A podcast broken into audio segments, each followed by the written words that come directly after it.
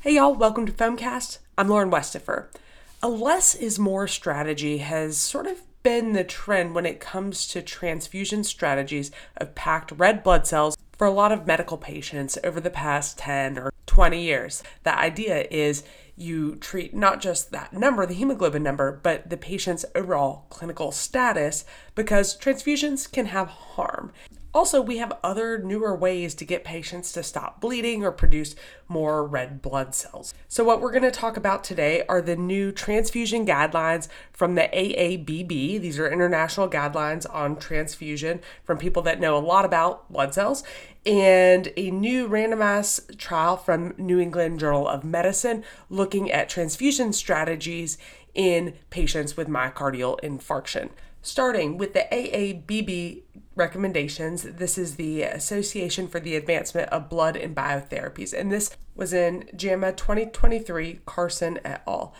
And I'm just going to highlight the main recommendations here. And this is for hospitalized adult patients who are hemodynamically stable. The international panel recommends a restrictive RBC transfusion strategy in which the transfusion is considered when the hemoglobin concentration is less than 7 grams per deciliter. And this was a strong recommendation, moderate certainty evidence. And the recommendation for pediatric patients is essentially the same that same target of 7 grams per deciliter. There is a little bit of nuance in the discussion, though, that's relevant to the study we're going to talk about today. And this is that clinicians may choose a threshold of 7.5 grams per deciliter for patients undergoing cardiac surgery and 8 grams per deciliter for patients undergoing orthopedic surgery or those with pre existing cardiovascular disease. And here they talked about a recommendation of 7 grams per deciliter isn't that biologically different than 8 grams per deciliter, and that some of the studies use numbers between them. And so there wasn't a compelling reason to say, go for 8 grams per deciliter rather than 7, but maybe there's some benefit in using the lower number because it would reduce perhaps unnecessary transfusions and sort of reactions. So that's not so different. We know that. Yes, hemodynamically stable patients who you're hospitalizing, 7 grams per deciliter. Fine. The question is, what do we do in those patients who have acute and chronic ischemic cardiac disease? So here they say there is substantial uncertainty regarding the safety of restrictive thresholds. The panel chose not to recommend for or against a liberal or restrictive transfusion threshold for patients with acute myocardial infarction. And here they specifically cite well, there's the MINT trial coming up that should be published soon that might be able to answer that. And the MINT trial is what was in New England Journal of Medicine.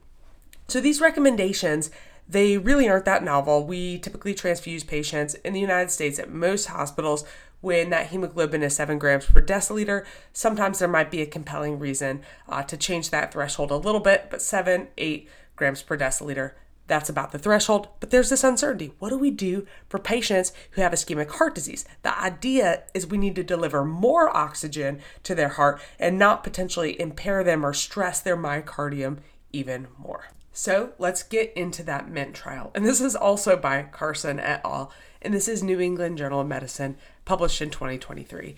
And this is the MINT trial restrictive or liberal transfusion strategy in myocardial infarction and anemia. And this was a multi center, open label, randomized trial, 144 sites US, Canada, France, Brazil, New Zealand, Australia. Pretty diverse group of study sites in this randomized trial. So we like that it's multi center. We like that it's a randomized controlled trial. It's nice that it's across these centers. Now, it is open label, which means people knew whether they were assigned to the restrictive or liberal blood transfusion strategy. And you could see how this potentially could introduce some bias. However, here they did look at some objective endpoints. So, study design, the population, you had to be an adult, so 18 years or older, and have anemia, hemoglobin less than 10, and have a STEMI or NSTEMI. And here they use the third universal definition of MI. And you could have a type 1, which is sort of a spontaneous MI, often like plaque rupture or something. A type 2, which is the ischemic uh, demand mismatch imbalance, or a type 4B or C, and that's usually a percutaneous coronary intervention associated myocardial infarction.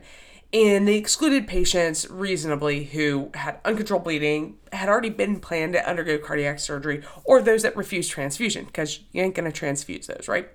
And what they did was they assigned them either, they randomized them to uh, the restrictive intervention strategy or a liberal transfusion strategy. And the restrictive transfusion strategy is what we do a lot of times. It's almost like standard carrots, transfuse if that hemoglobin is less than seven grams per deciliter, strongly consider it. You can consider it if it's seven to eight grams per deciliter and they have, uh, or they have uncontrolled angina. And the comparator was this liberal transfusion strategy where it's like maintain a hemoglobin of 10 till till they get out of the hospital. You keep that hemoglobin 10 grams per deciliter or higher. You transfuse in order to do it. And what they looked at, their outcome, their primary outcome was a composite myocardial infarction or all cause mortality at 30 days. In this trial, they ended up uh, randomizing 3,504 patients, so a lot of patients. They were mostly in their early 70s, not quite half were female. Most were white, about 70.6%, 12.6% were black, and most of them had NSTEMIs. 81.3% of them had an NSTEMI. Uh, of those, there were a lot of type 2 NSTEMIs, 55.8%. That's the ischemic mismatch, the demand mismatch. And their hemoglobin at randomization uh, was about 8.6 grams per deciliter, just to give you a sense of like who were these patients. The next thing I like to know when I look at a trial is did did they actually get what they were supposed to get and how much did they get? Was there a difference in how much blood you got if you were assigned to the restrictive group versus the liberal group? Because maybe people didn't really follow the protocols. And here it was almost a mean of two units more in the liberal group. So the restrictive group got a, uh, a mean of 0.6 plus or minus 1.6 units, and the liberal group got a mean of 2.5 units plus or minus 2.3. So more variation in the liberal group, but they definitely got more blood. Then we want to look at whether they achieved those hemoglobin level values. And in the liberal strategy group at baseline, just like the restrictive group, about 8.6 for a hemoglobin, and then by day one after randomization, the liberal strategy group was up to 10.1 versus 8.8, so very little change in that restrictive group.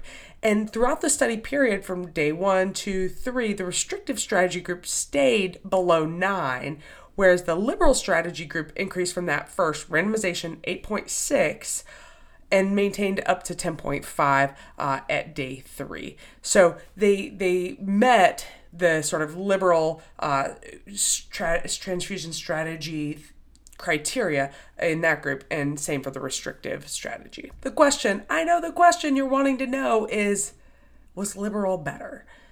It's not that straightforward. So, with the primary outcome of death or MI at 30 days, in the restrictive group, it was 16.9% had death or MI. Uh, almost 17%, that's 295 of uh, 1,700 50 people essentially, 1,749. In the liberal group, it was 14.5% met one of those criteria. And this translated into a crude risk ratio of 1.16. That 95% confidence interval, though, 1.00 to 1.35. It touched one. And then they adjusted because there was some missing data and they adjusted for some baseline stuff. The adjusted risk ratio 1.16, so essentially unchanged, 1.00 to 1.36. So it sort of maintained even after adjusting for that. Now, the issue with composite endpoints is having a myocardial infarction is a little bit different than dying. And so when you look at the sort of separate endpoints for 30 day mortality overall, the restrictive group had 9.9% died versus in the liberal group it was 8.3%. So about a 1.6% absolute difference Risk ratio 1.19, 95% confidence interval 0.96 to 1.47, crosses 1. Now, they parse that down looking at cardiac death, non cardiac death, unknown cause of death. Not like the way you die really matters as much as you just died, but here, uh, the cardiac death was the relative risk was 1.74 95% confidence interval 1.26 to 2.4. So here, more people in the restrictive group experienced cardiac death than in the liberal group. Uh, there were there was no clear trend in the non-cardiac death or the unknown cause of death group. Now, looking at myocardial infarction, the other part of that composite endpoint, restrictive group 8.5% had an MI versus liberal group 7.2%, again favoring the liberal group. You'll want fewer people to have MIs. That happened less in the liberal group. The risk ratio and the 95% confidence intervals crossed one. So again was not technically statistically significant. And they parsed this down. They looked at all kinds of subgroups, race and ethnicity, uh, different types of comorbidities, whether you had a STEMI or non-STEMI, etc. And they all seemed to favor the liberal group with regards to where the point estimate fell and the 95% confidence interval, with the exception of renal dialysis at baseline, which kind of makes sense, more sensitive to fluid, and then the uh, the hemoglobin less than eight category again just over the uh, risk ratio is 0.97 but the 95% confidence interval around that is huge and by far spanned one. So even slicing and dicing trying to see which group might benefit obviously if they're more sensitive to fluid and potentially fluid overload uh, may not benefit quite as much. Harms what about harms Transfusion associated circulatory overload, probably the most common adverse reaction. It's estimated to be 1 in 125 in terms of how often it occurs. It was 0.5% in the restrictive group versus 1.3% in the liberal group. And that makes sense. You're giving more product, more fluid in terms of RBCs to patients in the liberal group, so they're probably going to be more likely to be volume overloaded, particularly if they've had an insult to their myocardium through uh, either they have some baseline CHF, which was uh, a small-ish percentage, about 20% in this cohort, uh, but all had some kind of myocardial infarction. So that makes sense. And that's something important to keep in mind. That's why this matters. That's why we're talking about whether we should give a unit or not in this transfusion threshold is because everything we do has a downside or a consequence. So the risk of transfusion associated circulatory overload or TACO, 1 in 125. Estimates for a febrile reaction is 1 in 161, allergic reaction 1 in 345. And these probably aren't the top ones when we're consenting people that people are really worried about. Most people are probably worried about HIV, 1 in 1.6 million in the US, or Hep C, 1 in 1.2 million, or Hep B, 1.1 million, 1 in 1.1 million. So all of those are like over 1 in a million, uh, but we often kind of don't think or underestimate uh, how common TACO or TRALI and those things are. Tacos 1 in 125. Again, sort of going to be the most common of those things that are tracked. And these are estimates, so it's not exactly but it about lines up in this study. A little more common in this study in the liberal group at 1.3%. So, what do we do? This is essentially a negative study. Our beloved 95% confidence interval for the primary outcome, which was a composite, touches one. And we've been told transfuse as little as possible strategy of transfusing the threshold at seven. Well, as an ER doctor, maybe I don't have to worry about this quite as much. These were often, they'd been in the hospital for three days after the index MI. So this might come later in the hospital course. But the more patients that are boarding in our emergency departments, maybe it is important, or maybe it's important in terms of anticipatory guidance or for our family members. I think here this this does move the needle towards there may be harm in some patients for using a restrictive strategy with regards to death cardiac death and myocardial infarction. Specifically, when you look at that cardiac death where the r- risk ratio was 1.74 and the confidence interval was by far above 1. So here as an ED doc, I'm looking at the study in which it's it's theoretically like a negative or neutral study and you know if, if you're an absolutist that 95% confidence interval it crosses one, it hits one, um, and it crosses one if you look at when they adjusted it for the loss to follow up. 57 patients were lost to follow up, and more were lost to follow up in the uh, in the liberal strategy. And so then the the point estimate, the risk ratio was essentially the same, but the confidence interval went from like 0.99 and then went up from there. So just crossed one. However, there is a 1.6% absolute difference in death. It wasn't powered to detect that, but it's not a trivial reduction in death by any means. And so when I look at this, I'm thinking like this is probably more targeted to the patient that I see who has blood loss from some acute cause. It's not like they always live at eight or nine grams per deciliter, and that's their baseline uh, hemoglobin. It's they've had some acute blood loss, and they also have ischemic heart disease, have myocardial infarction, have that ischemic imbalance, that mismatch, that type 2 MI. Um, and those are the patients where I'm going to say, okay, my absolute is seven gram per deciliter uh, restricted blood transfusion strategy. I'm not going to hold that. I'm going to push it up a little bit should we push it to nine? Should we push it to 10? How long do we need to maintain it that way?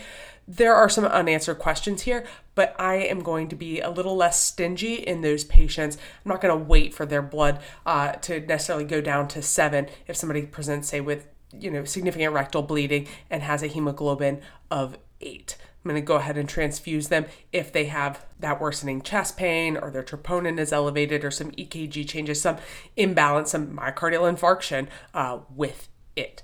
And I feel reassured that all the things they looked at trended towards that liberal strategy being better in patients with acute myocardial infarction. So, as much as I am a less is more type of person, let's de-implement low value care. I think that this for me, I'm, it's going to change my practice in a certain subset of patients. That wraps it up for this episode of Foamcast. Our show notes, references, infographics will be on the web at foamcast.org. And again, take take everything I said with a grain of salt because there are nuances in this study because research is hard, statistics are hard, and integrating it in clinical practice also hard. Thanks, y'all.